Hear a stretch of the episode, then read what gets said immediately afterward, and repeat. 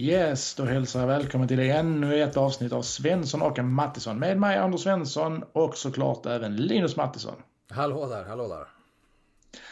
Idag ska vi prata om, gissa vad? Jo, nämligen såklart det här förbaskade coronaviruset som vi inte slipper undan. Och eh, vi ska prata om coronaviruset ur ett media och kommunikationsperspektiv faktiskt. Och eh, ja, det är ju väldigt konstiga tider just nu och det kan ju kännas rätt så märkligt att fokusera på mediekommunikation när människor dör och förlorar sina jobb och ser sina livsbesparingar försvinna och så vidare. Eller vad säger du Linus? Jo, minst sagt, minst sagt. Men samtidigt, det är det, det som är fokus på den här podden och eh, alla berörs ju av den här eh, krisen. Eh, mer eller mindre. Så man sagt, vårt fokus i podden och då får vi, då får vi fokusera på, på hur vår bransch, eller våra branscher har, har berörts av det här. Ja, precis. Och vi är ju liksom, eh, vad ska man säga, vi, vi går väl in i, vi har väl ungefär två månader bakom oss av eh, liksom låg och hög coronahysteri känns det som ju. Ja. Uh, det tog väl fart där riktigt ordentligt i, det var väl februari, början på mars och mm. nu är vi ju inne i maj här och så. Men det känns ju ändå någonstans som att det, det, har landat i någon form av vardag. Att den värsta hysterin och den värsta mm. så här mm. läsarabstinensen har försvunnit. Ja, vi snackade lite om det här i, i försnacket innan vi började spela in här. Liksom, hur, eh, jag vittnar själv om hur, hur jag var helt besatt av alla nyheter som kom kring coronaviruset i början när det liksom slog till i Sverige och det var liksom stora presskonferenser och smällde till eh, höger och vänster från alla olika håll, håll och kanter liksom och sådär. Följde allting, uppdaterade Aftonbladet-appen och Expressen och DN och in och kollade sådana här presskonferenser liksom eh, på SVT och TV4, you name it, överallt. Men sen, jag vet inte, höll det väl i sig ett par veckor där. Sen kände jag efter ett tag liksom att hur man liksom började zona ut på något sätt och att liksom blev ja, som du var inne på, det blir som en vardag. Man, man lär sig leva med det på något sätt.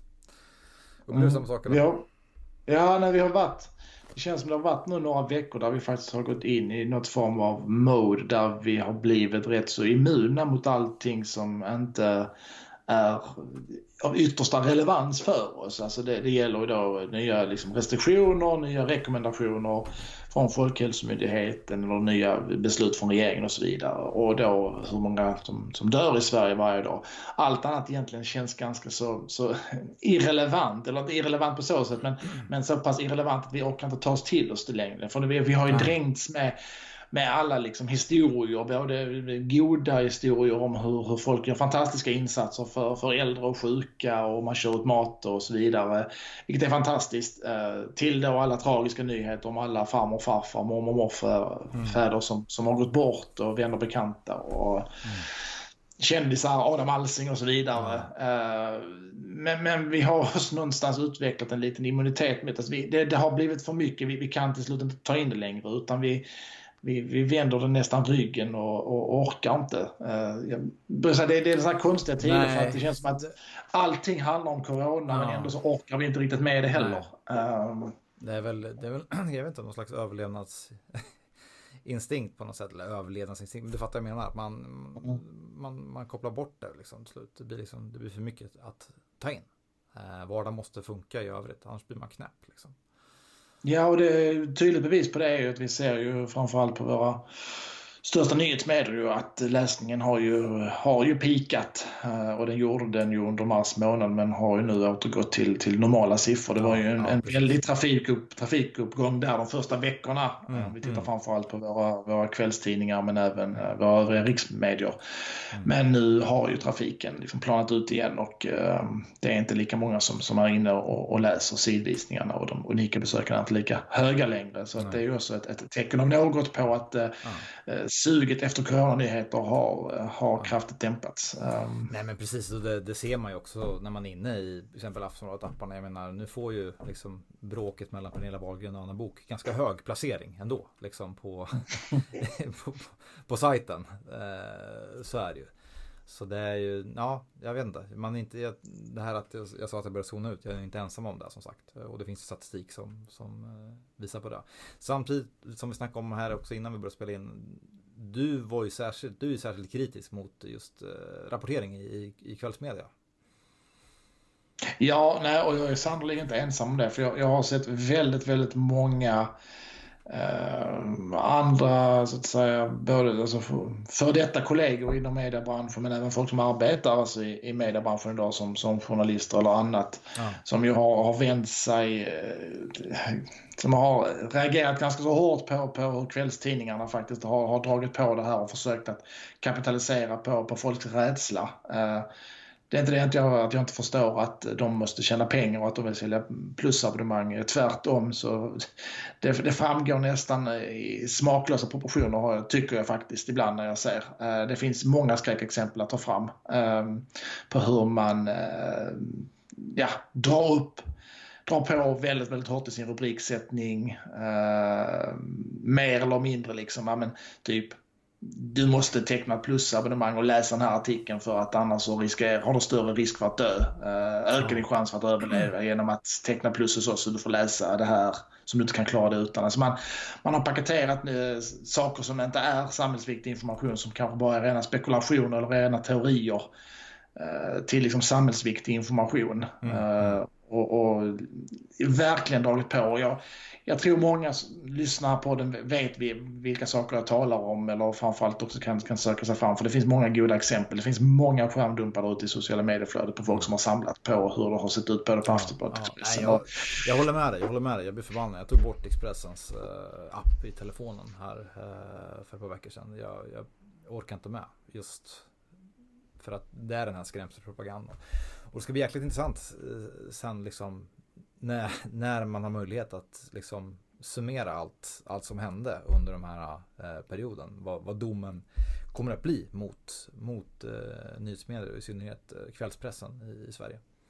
Det kommer inte bli, alltså det, det kan inte bli annat än, en, den, den blir inte vacker. Eh, det kan inte bli den och eh, de har sig själva att skylla faktiskt. Jag, jag, är faktiskt den sista att tycka synd om dem för att det, mm. det de har gjort, nej. Alltså, och, andra, och sen sitter man å andra sidan och rapporterar om om andra folk då som man tycker är, är klandervärda som, som har försökt att eh, och, och eh, kapitalisera på folks rädsla. Till exempel Katrin Zytomierska var ju väldigt mycket ja, i ropet där. Uh, å andra sidan så sitter man och gör exakt samma sak själv och man gör inte det bara en gång. Man har liksom gjort det 10, 20, 30-tal, 40-tal gånger. Ja. Uh, och det är ju precis som du säger också, jag har, så helt, jag har helt lämnat Aftonbladet, Expressen och så vidare för jag tycker det, det ger mig ingenting. Det finns ingen anledning att sitta och scrolla i det flödet längre. Uh, utan jag håller mig rätt och slätt bara till mm. krisinformation.se. Ja. Uh, försöker liksom Folkhälsomyndigheten och så vidare och hitta liksom sammanfattningar från, från det viktigaste för idag. Och det jag egentligen är ute efter är bara, men har det kommit några nya påbud, restriktioner? Mm. Uh, och uh, hur många döda har vi haft i Sverige idag? Så man kan liksom sätta det i perspektiv. Ja, men går det upp, går det ner eller är det plankurva eller hur ser det ut? Det räcker rätt gott för mig känner jag. Och, jag tror sannolikt inte att vi är ensamma om detta. Så att, uh, nej. Kvällstidningarna, det, det, nej, de, de ska faktiskt skämmas. Och då, och då ska man komma ihåg att vi, vi är faktiskt två gamla eh, webbdeskkillar båda två, du och jag. Du och jag har sannolikt suttit och satt våra rubriker eh, i våra dagar och gangstrat och hållit på och så vidare och försöker dra klick och så vidare. Ja, det, det, ska absolut, definitivt säga att vi har gjort. Men, men jag tycker att uh, jag vet inte, jag, jag skulle väl som typ av nyhetschef på Expressen eller Aftonbladet ändå haft någon typ av annan, eller chefredaktör, någon annan typ av strategi ändå. De, kan ju, de är ju otroligt vassa ändå på att paketera saker och eh, få ut det, men man kunde göra kanske mer smakfullt, eller vad man ska säga, på, på något sätt. För att det, det, här kommer, vad säger man? Säger man bita dem i baken rejält, mm. tror jag sen, eh, när, när, när vi får liksom summera allting och utvärdera ja, men de har liksom inte så mycket förtroendekapital att spela på för att eh, förtroendet Nej. för våra kvällstidningar har inte varit högt tidigare och har väl kanske aldrig någonsin varit högt egentligen. Eh, så att det finns liksom inte så mycket att spela på. Nu, nu tror jag faktiskt att eh, det är svårt att säga att det repar sig för att eh, folk är liksom inte dumma. De, de ser igenom detta. Ja. Visst, de har säkert tjänat ett och annat plusabonnemang på de här sakerna men, men priset de betalar långa loppet är, är, är så otroligt mycket högre och det, ja. det kommer de att, att bli varse. Minst sagt, minst sagt.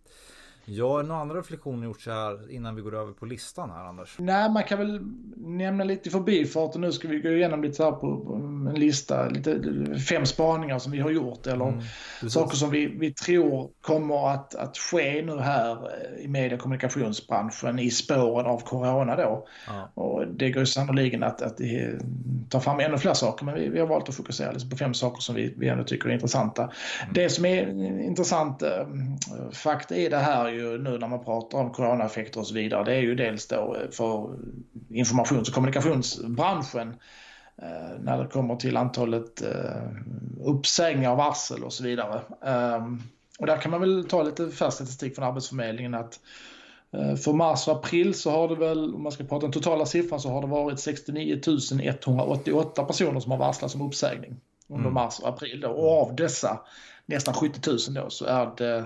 3032 personer inom informations och kommunikationsverksamheter mm. som har varslats om uppsägning. Och, eh, ja, det, det går ju... att jämföra till exempel med hotell och restaurangverksamheten där det är 17 000 mm. så det kan man ju sätta i, i, lite sammanhang och så vidare. Att det är inte det, är ju inte, det kan ju sannoliken ha varit ännu värre. Men, men visst, eh, det är, är inte... Det är ändå en, ändå en ganska betydande del, 3000 eh, ändå. Tycker jag ganska många.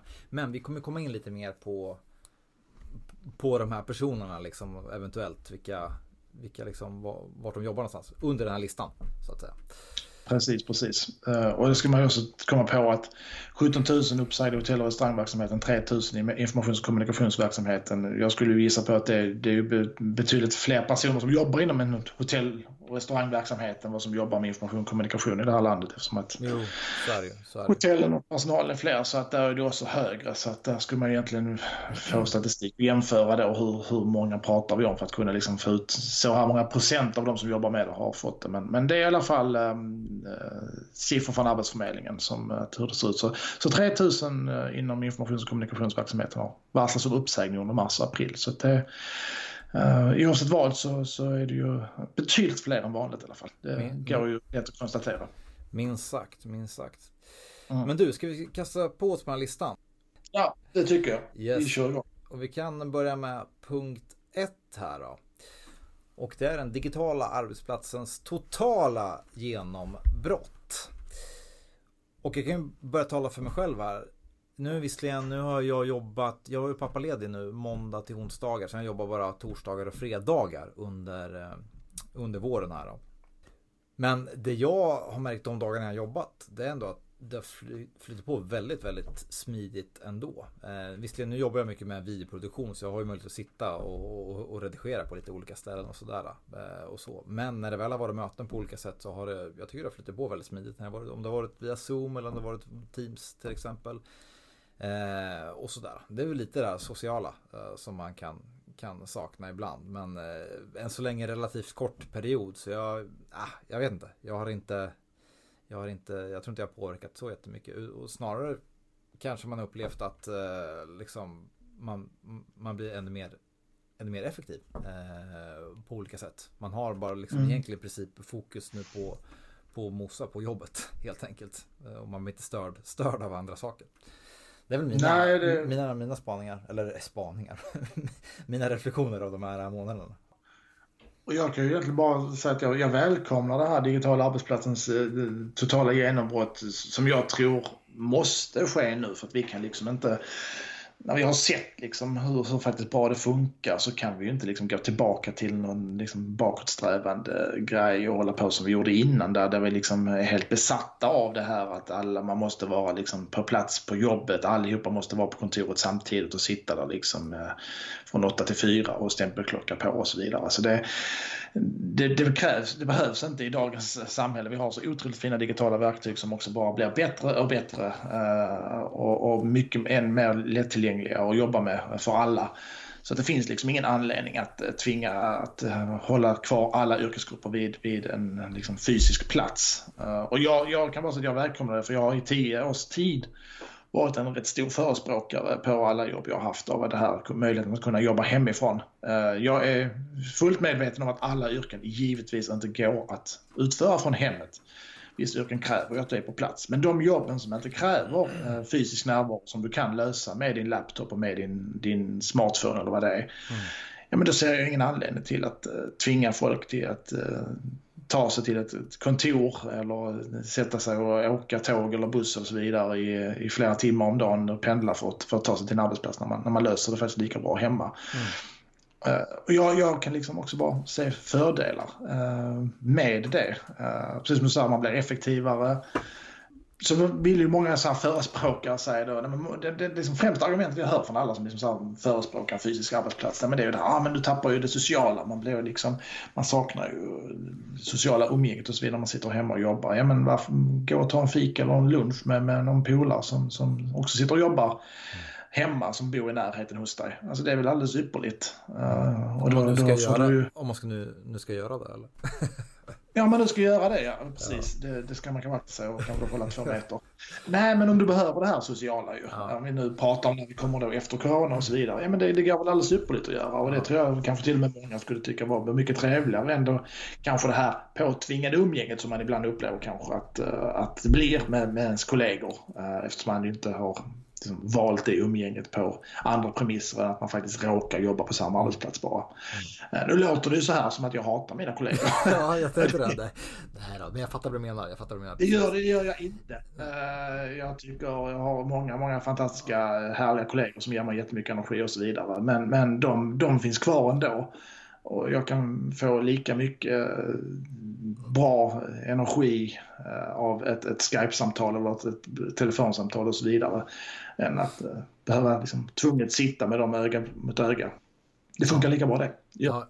Sen visst, ibland måste man vara på plats fysiskt och så vidare. Ja, det är ju klart det är det. Men jag tror man måste vända på begreppen nu efter det här. Att tidigare har ju liksom det här att sitta på kontor och så vidare varit normen någonstans och, och att sitta hemma och jobba är liksom ett, ett, undantag. Jag tror vi ska vända på begreppen och säga att sitta och jobba hemma är liksom normen och att fysiskt vara på plats på en arbetsplats är, är undantaget eh, när det faktiskt är befogat att, att vara det. Mm. Och tänk bara liksom alla företag sparar i kontorsyta. Herregud, det är ju enorma kontorskomplex och eh, enorma öppna landskap och så vidare. Eh, som kostar en massa pengar att eh, hålla igång och städa och, lokalvård och så vidare. Tänk för mycket pengar företagen sparar. Ja, precis. Intressant, intressant reflektion. Och du sa ju också någonting, de som inte, de som är kanske mobbade på jobbet. Det kanske kan vara, ja. det, det, finns, det finns ju faktiskt folk som är det. Det var ju det var du som ja, sa det innan. Ja.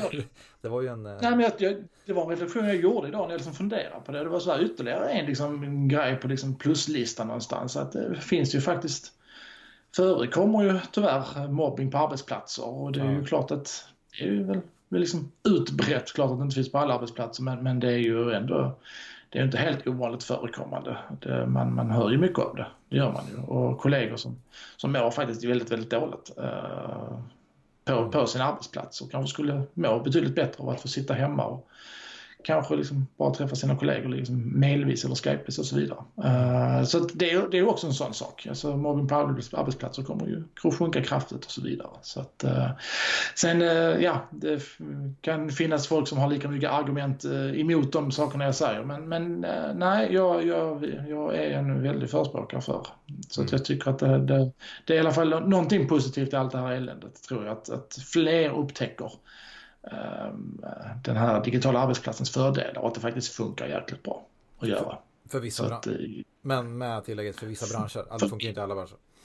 För vissa yrkesgrupper, absolut. Det, så är det. De yrkesgrupperna som, som, som kan göra det eh, finns för mig inga argument till att inte vilja göra det. Och där är definitivt en kommunikatör eh, en av dem. För att en kommunikatör kan göra, lösa väldigt, väldigt mycket via sin laptop och sin smartphone.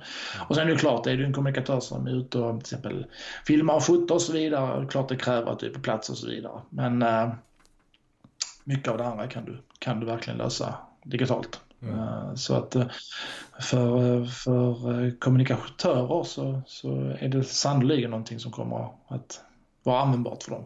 Att och ha en digital arbetsplats. Minst sagt, minst sagt. Mm. Ska vi gå vidare i listan här Anders? Så vad är ja. punkt två då? Nej men eh, det är ju saker som vi har pratat om tidigare också men, men det är ju det här liksom att rak kommunikation kommer att efterfrågas allt mer. Um, det har vi varit inne på tidigare också. Att mm. rak, ärlig, äkta och genuin kommunikation, att det, är liksom, det, det är ju det som är det, det shit och det är ju verkligen ingen hemlighet. Men jag tror än, än mer nu efter detta för att nu under den här coronakrisen har vi ju varit, vi, vi har liksom vänt blicken väldigt, väldigt mycket mot, mot eh, ja, den som vi upplever som, som tydligast, trovärdigast, uh, uh, för en rak, enkel kommunikation. Uh, lindar inte in saker. Eh, tillrättalägger inte och så vidare. Eh, den får ju mycket, allt mer av vår attention drar vi till, till de personerna. Och jag tror att det kommer också vara melodin även efteråt också för att jag tror att vi kommer ha utvecklat en allt, eh, allt mer utbredd allergi mot det som vi uppfattar som väldigt tillrättalagt, politiskt korrekt kommunikation. För att eh, eh, jag tror att det, det, måste liksom vara... Kommunikation måste liksom vara rak och tydlig och ärlig och stå för någonting. Eh, och, och, våga och liksom sticka ut och ta plats. Alexander Bar som gäst här, han sa faktiskt något väldigt klokt att om du inte, om du inte eh, om du inte tänker uppröra någon med din kommunikation så kommer du inte heller att röra någon. Det tycker jag är en ganska så bra tumregel att ha faktiskt när man, när man um, jobbar med, med sitt innehåll och så vidare. Um, Nej, för samma andetag som man är, man, man, är rädd för att uppröra någon så kommer man ju att inte heller röra någon. Så Nej, precis. Ingen så. kommer ihåg en fegis. Liksom. det är ju så. Sen, uh, sen, självklart sen, sen jag, jag är alltid diplomat här, men jag, jag tror man sen får man inte tappa omdömet heller. Uh, det, Nej, det, det, är alltid en balansgång, särskilt som vi som jobbar på offentliga myndigheter. Liksom. Man får ju ha en omdöme eh, på olika sätt. Det ja, det att förtydliga det. Det är, det är självklarhet. Givetvis är det så. Att, ja.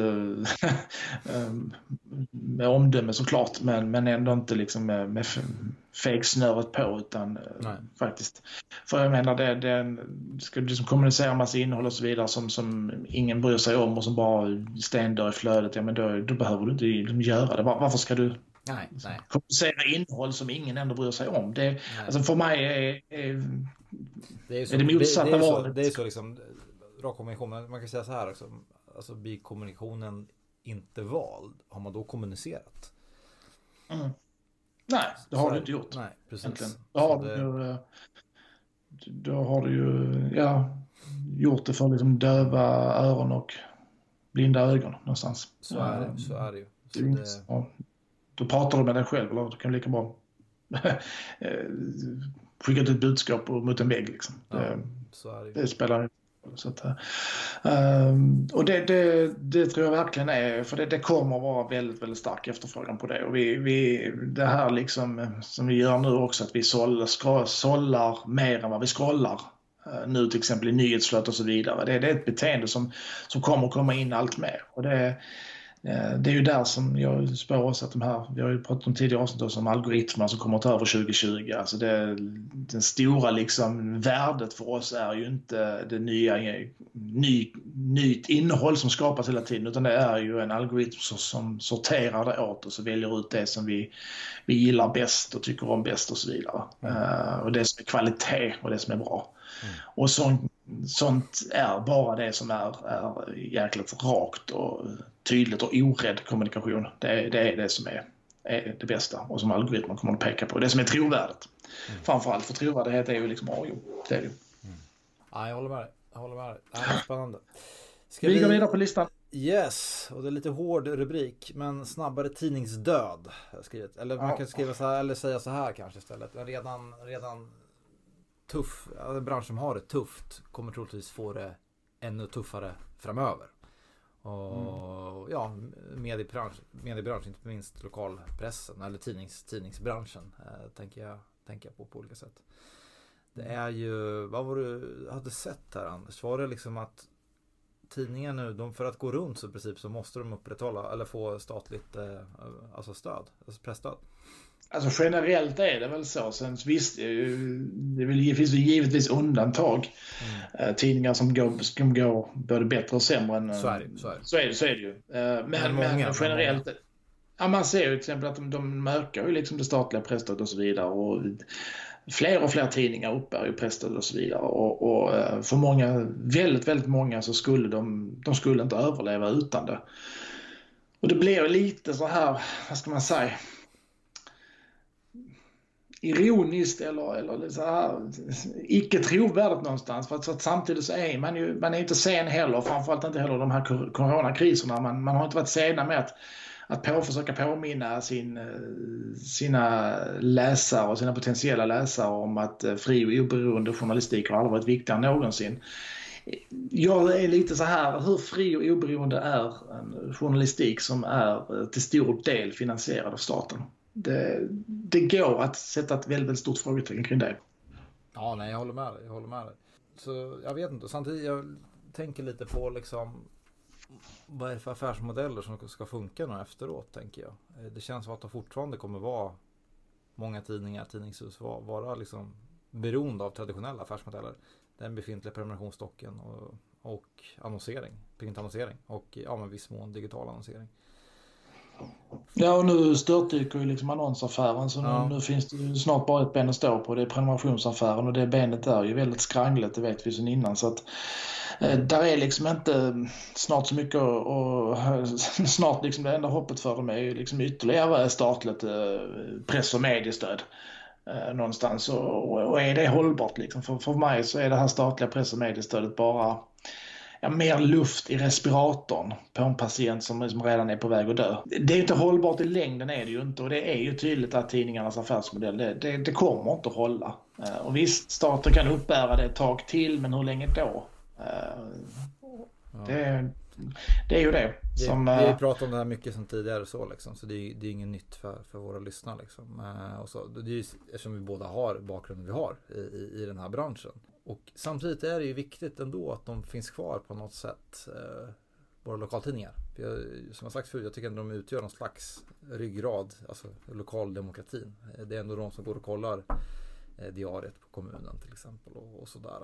Men det är ju... Ja, de, ja, de som fortfarande gör det. Ja. Det är allt färre som gör det. Jo, men det beror ju på, att, det beror på mindre, färre resurser här ju, i grund och botten. Ja, ja. Så är det. Nej, men det är ju det blir det är en ond spiral. Ond spiral, precis. precis. Så är det. Ja. Så är det. Så det... Och äh, granskningarna, granskningarna blir färre och den här liksom allmännyttan som man är satt till att göra. Att den, jag tycker mer och mer liksom att, och återigen, ja det finns undantag men att liksom generellt den blir liksom, den här allmännyttan försvinner allt mer och mer och deras existent berättigande när det när det bara hela tiden är liksom copy-paste från pressmeddelanden. Man bara hela tiden återberättar vad andra hela tiden har sagt. Men man skapar liksom ingen, man, man sätter inte, man, man skapar inte några egna nyheter, man gräver inte, man ringer inte och kollar, är ute och smutsar ner sig och så vidare. Det, eh, samtidigt som, som det är någonstans eftersom vi båda har en bakgrund i tidningsbranschen samtidigt som det, det är förbaskat tråkigt och man såklart lider med, med ex-kollegor och så vidare. Så, sen måste man måste ändå vara sann och ärlig mot sig att nej, efterfrågan den, den, den finns kanske inte längre och, och de här modellerna kanske inte platsar i, eh, i det, det medieklimat som vi, vi har nu och som vi, vi även kommer få framöver. För att det medieklimatet kommer bara att bli än liksom, skoningslösare mot, mot allting som vi, vi inte vill ha och kommer bara prenumerera, prenumerera det som, som vi faktiskt efterfrågar och vill ha. Mm. Så att någonstans får man väl också vara, vara ärlig och se det och, och kanske då istället säga men hur, hur kan de återuppstå i en helt annan form? Tänka utanför boxen slänga den här gamla modellen och nej, men liksom försöka hitta någonting som, som är mer anpassat efter ja. detta. Och där har vi varit inne tidigare på det här Swish-journalistik och så vidare. Ja. Och, att det kanske blir just det här att det finns liksom journalistprofiler som verkar i, alltså att, att allting bara upplöses i ett enda stort liksom, social medie-nyhetsflöde men där liksom journalisterna verkar och mm. där man kanske snarare blir, blir en anhängare, ett fan av viss typ av journalister. Mm. Uh, det är ju bara att titta till exempel nu, kan jag inte kalla han liksom journalist eller vad man säger, men Marcus Oskarsson. Ja, jag tänkte precis säga hans namn också. Herregud, sa jag bara. Ja. Vilket enormt följarskara han har och hur många fans han har. Han skulle lätt kunna gå runt på Swish om han ville det.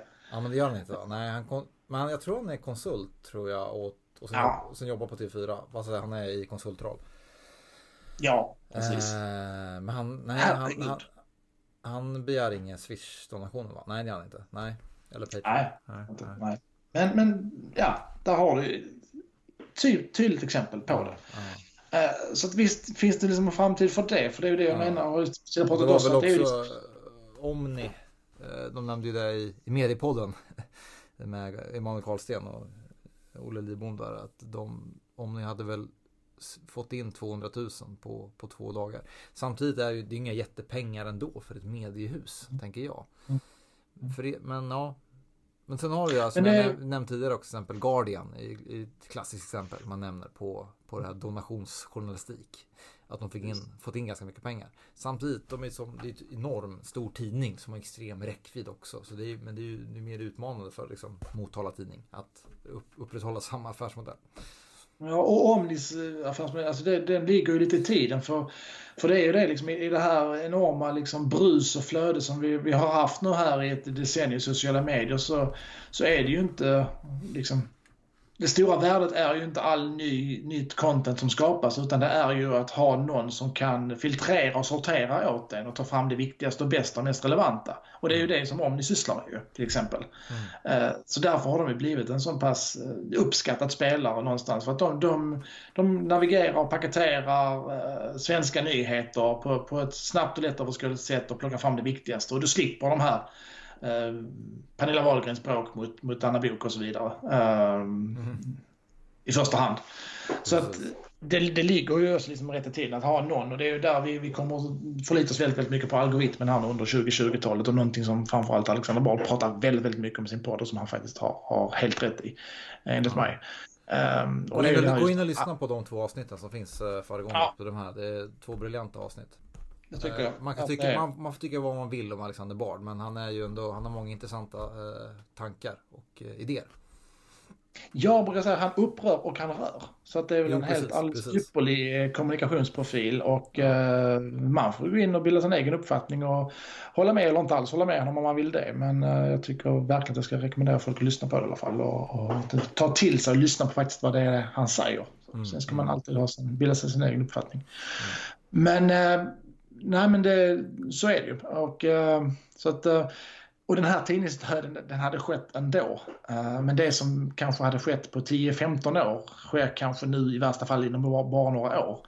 Så att man kan ju säga liksom att det, det, är ingenting som inte skulle ha skett eh, om inte corona hade funnits utan det hade skett ändå. Det är bara det att det sker snabbare nu. Mm. Och det går jäkligt fort. Det är många, vi, det är många som blir permitterade nu i tidningsbranschen. Eh, Bonniers har ju permitterat väldigt mycket personer. Ja, nej, det, det, är liksom bara, det är bara en realitet någonstans och någonstans så får man också försöka inte liksom fastna i någon, någon gammal eh, nostalgi och så vidare utan för, försöka liksom att se på det med rätt så nya färska ögon och, och förstå varför det händer. På vilket sätt kan liksom de hittar sin plats i, i näringskedjan, eh, journalister och andra. För att det är ingen tvekan om saken att vi, vi törstar liksom efter, efter kunskap eller, eller, eller underhållning, humor eller någonting annat som, som, som kan liksom roa oss.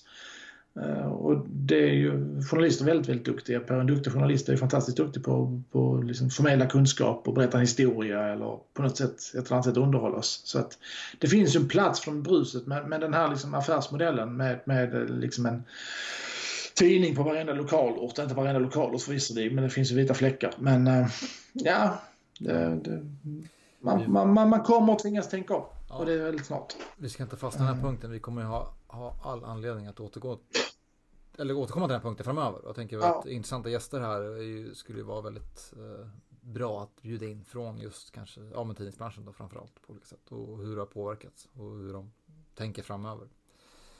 Ja, absolut. Du, punkt fyra, vad är det? Ja, nej men eh, det är väl kort och gott influencern dör, youtubern tar över. Mm. Det är kanske många som kanske tycker att influencer och youtube är inte det samma sak. Ja, kan precis, man inte vara... precis. Men vi har ju skilt lite grann på det har vi gjort. Eller precis. jag brukar säga så här, influencer förknippar man väldigt mycket med Instagram. Det är väldigt mm. mycket jag-centrerat, mm. narcissistiskt, mm. väldigt mycket kränga mm. saker. Eh, titta precis. här, här använder jag den produkten, den produkten. Inte så sällan är det liksom av, av tjejer för tjejer. Eh, det är ju ett eh, enorm dominans av, av kvinnliga influencers är det ju. Medan Youtubers står för någonting annat skulle jag vilja ja, säga. Ja, YouTube... det är lite mer äh, folkbildningsaspekten äh, skulle, jag, skulle jag lyfta in där framförallt. Äh, jämfört med den här klassiska influensen på Instagram. Men det finns så uppsjö av jättemånga bra YouTubers, alltså YouTube-kanaler i alla dess genrer. Ja. och de åtnjuter också en betydligt högre trovärdighet ju, än vad influencern gör och är också mycket, mycket mer hållbara.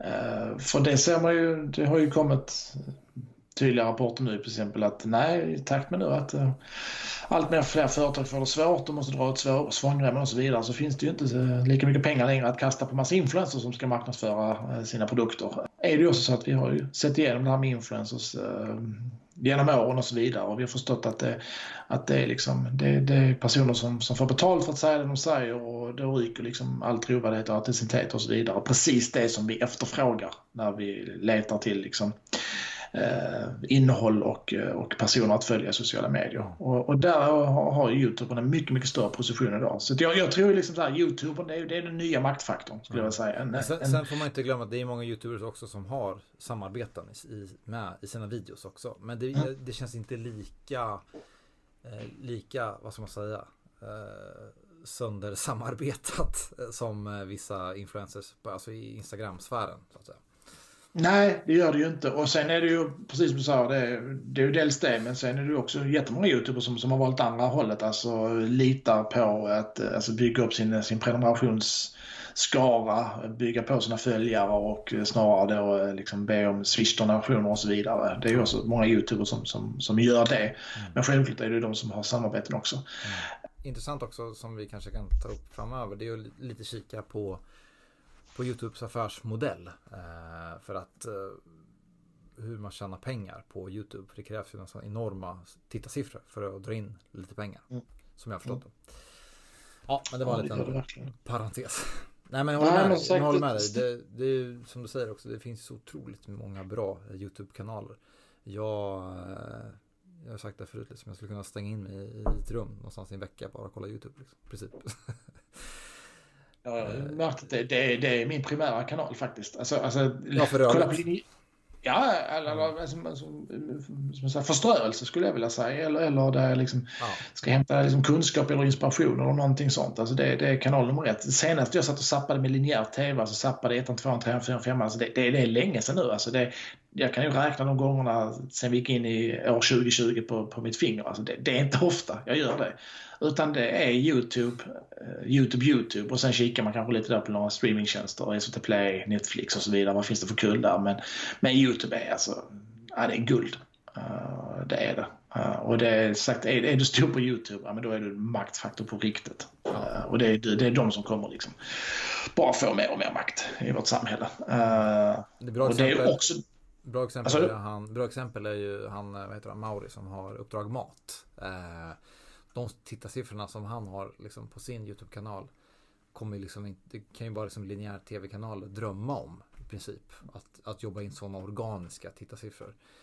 Eh, nu är väl han typ, jag tror han fortfarande är visserligen anställd av, av eh, Aftonbladet. Men det är i viss mån ändå en fri, fri YouTube-kanal ändå. Liksom. Ja, så är det ju. Och jag vet, du är ju ett stort fan av honom. Du har, tror jag har haft med honom som exempel tidigare också. Jag, jag håller med. Det, det, det är det verkligen. Um, mm, nej, men det är bra exempel på bra, på bra content, på bra innehåll. Enkelt. Ja, ja, ja, visst absolut. Det finns ju en hel uppsjö av andra. Som når, som når många personer. Ja, och det finns ja, ja, många andra jättebra matkanaler och även andra genrekanaler. Alltså du, du kan ju, du, du, ja. kan ju liksom hitta all världens kunskap och de, de grymmaste föreläsarna. Eh, de grymmaste liksom olika listorna och så vidare. alltså det, det, det, är så fantastiskt mycket du kan hitta uh, där. Uh, olika typer av resekanaler och så vidare. Mm kill, olika folk som, som reser till såna här, vad ska säga, lite så skumma länder eller som, mm. som reser till Nordkorea och Turkmenistan och liksom ja. skildrar det och så vidare. Alltså, ja, det är jävla, det är så jäkla kul kanal är det. Ja. Så att, uh, jag, är liksom, jag har i princip mer eller mindre fått min min utbildning mycket när det gäller rörligt innehåll via YouTube kan man säga faktiskt. Man, ja. man får tips och tricks uh, från alla möjliga håll och kanter. Uh, och det är mycket det jag kollar på YouTube just när det gäller uh, film, och, film och foto och så. Ja, ja absolut. Ja, nej men så, ja, ja de uh, kommer ta ytterligare tätpositioner. YouTube som kanal. Absolut, så är det. Då går vi till nästa, sista punkten då. Uh, och där är det då krav på att kunna göra mer in-house nu när byråerna försvinner. Precis, precis. Uh, och ja, som sagt, vi var inne på det här lite i början. Uh, och det är väl, vad ska man säga, två sidor av, av, av myntet här.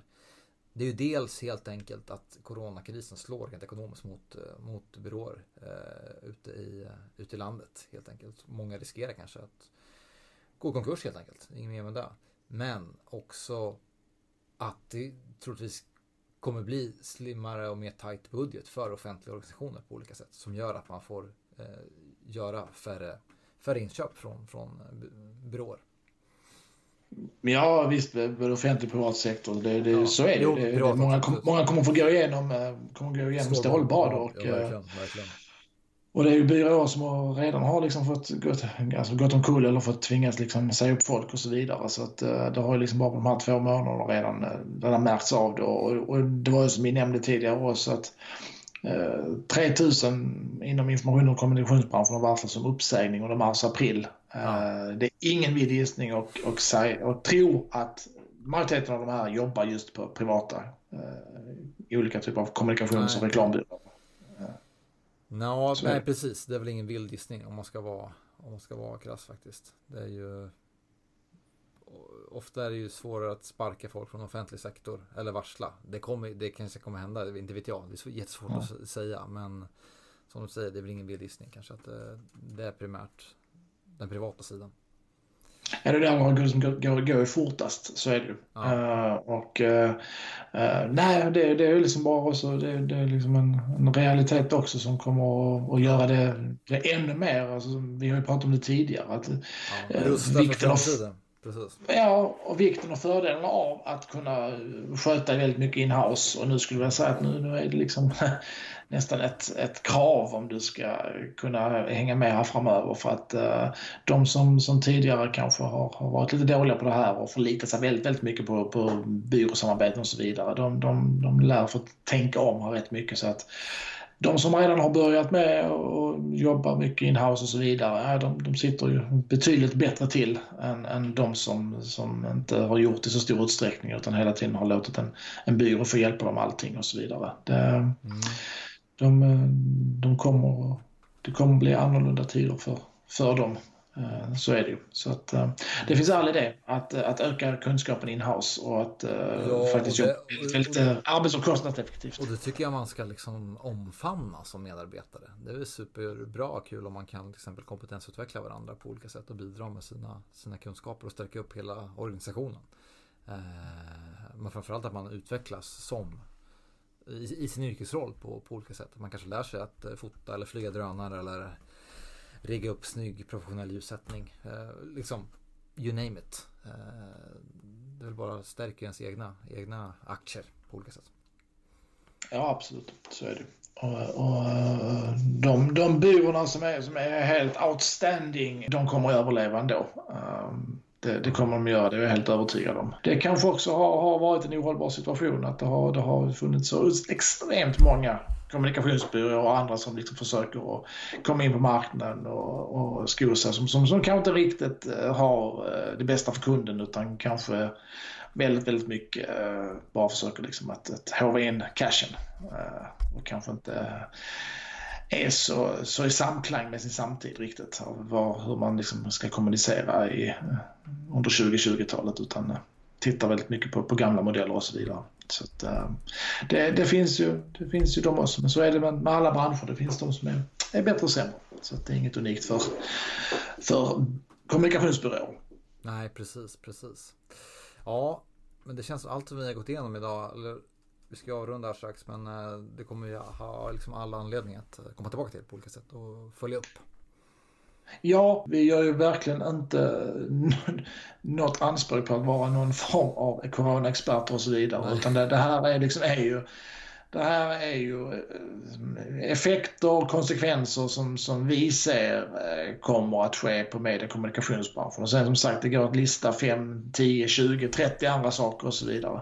Det gör det. Och det är väl alldeles ypperligt tänker jag att eh, det får väl folk gärna Eh, kommentera i eh, våra trådar i sociala medier eh, om, om man har andra saker som man tycker borde vara med på listan eller varför inte då mejla oss svensson.mattisson.hotmail.com om man har andra profetior och utsagor som man, som man tror kommer att ske. Det vore jättespännande och kul och intressant att ta del av. Kanske något vi kan ta upp i ett uppföljande avsnitt.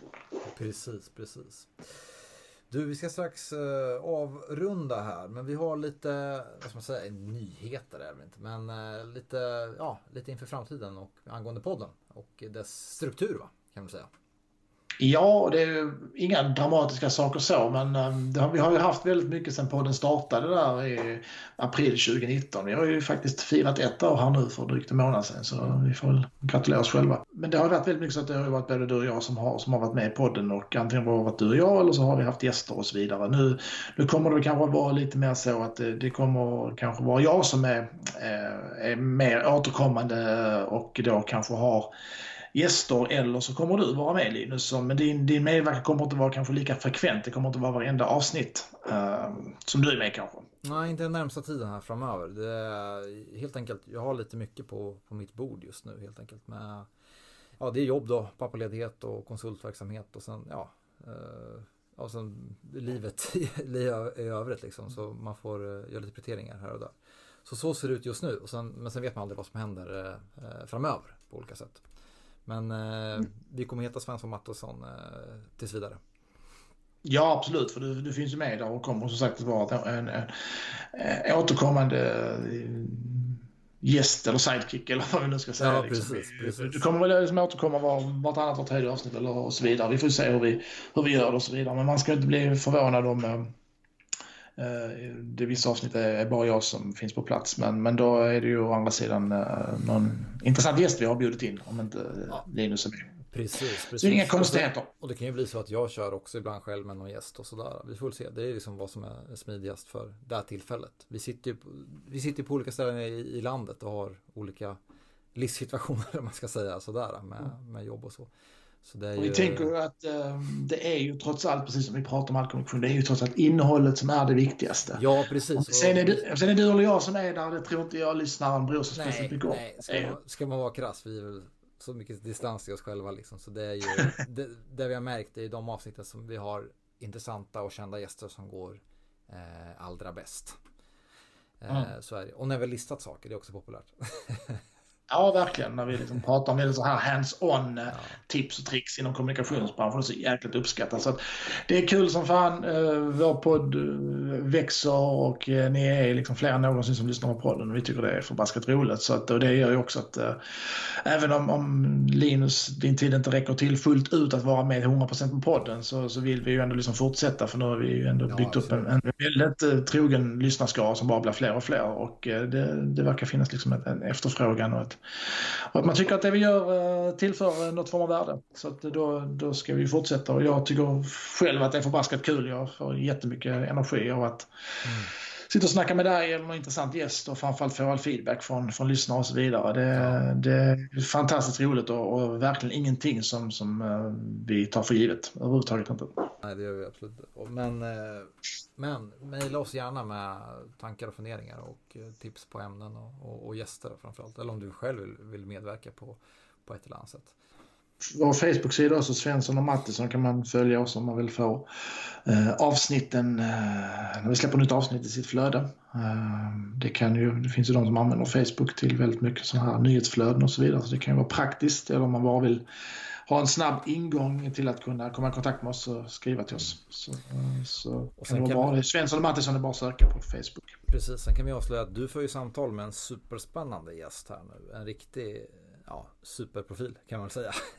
I, ja, vi har ju vi har haft Alexander Bard, det får jag absolut betrakta som, som en, en, en dunderprofil. Och jag har korn på, på, på en annan som jag tror kommer vara väldigt, väldigt uppskattad. Jag ska inte avslöja vem det är och jag ska inte säga att det är 100% klart och så vidare. Men, men om det gör som det ska så kan vi utlöva en, en, en rätt schysst gäst här om, om några avsnitt. Och jag kan ju säga att det är en gäst i samma, liksom, eh, vad säger man, samma klass som Alexander Bard, eller samma liksom lika, minst lika känd. Liksom. Definitivt, eh, definitivt. Ja. Och han har många åsikter och tankar och idéer och det vore magiskt och kunde råda i, i hamn. Eh, och så. Ja. så det håller vi Lite cliffhanger detta. Ja, super, super cliffhanger. Tråkigt nu då om det skiter sig. Då, då är det ju lite tråkigt. Ja. Men, äh, Men vad tror du? Tror du, ja kanske kan råda i hamn kommande veckorna? Ja, man vet inte, vi får se. Vi får se, om några avsnitt i alla fall. När jag blir varse om det så och, och blir, skulle det, om lagen om alls jävlighet inte gå vägen så får vi, får vi ta det då. Ja, precis. Därför är det dumt att nämna den här personens namn just nu. Ja, nej men vi, vi avrundar väl här idag. Jag tycker det var bra, bra tugg. Eh, och kom gärna med inspel på, på olika sätt. Och tyck till. Vi, som sagt, vi sitter inte på någon fas eller någonting och det är ju det, är, det är spåningar vi gör helt enkelt. Det är spå, span, spaningar. Man börjar bli trött nu, det var en lång dag här nu. Eh, och så. Men eh, som sagt, kom gärna med inspel och tyck till på, på olika sätt. Ja, smäll oss på fingrarna och kom med Ja. ännu vassare argument. Eh, Det älskar jag för då, då lär man sig någonting. Så att, eh, var inte rädd för det om ni tycker att vi är helt ute och cyklar. Så bara, bara höj din röst. Det, det är bara kul och spännande. Och det gör bara att, vi, att man växer och blir Precis. ännu klokare.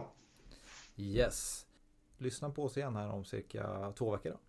Ja, onsdag om två veckor kommer nästa avsnitt. Så ha det gott tills dess. Ja, ta hand om varandra. Ha det bra. Hej då. Hej då. Hej.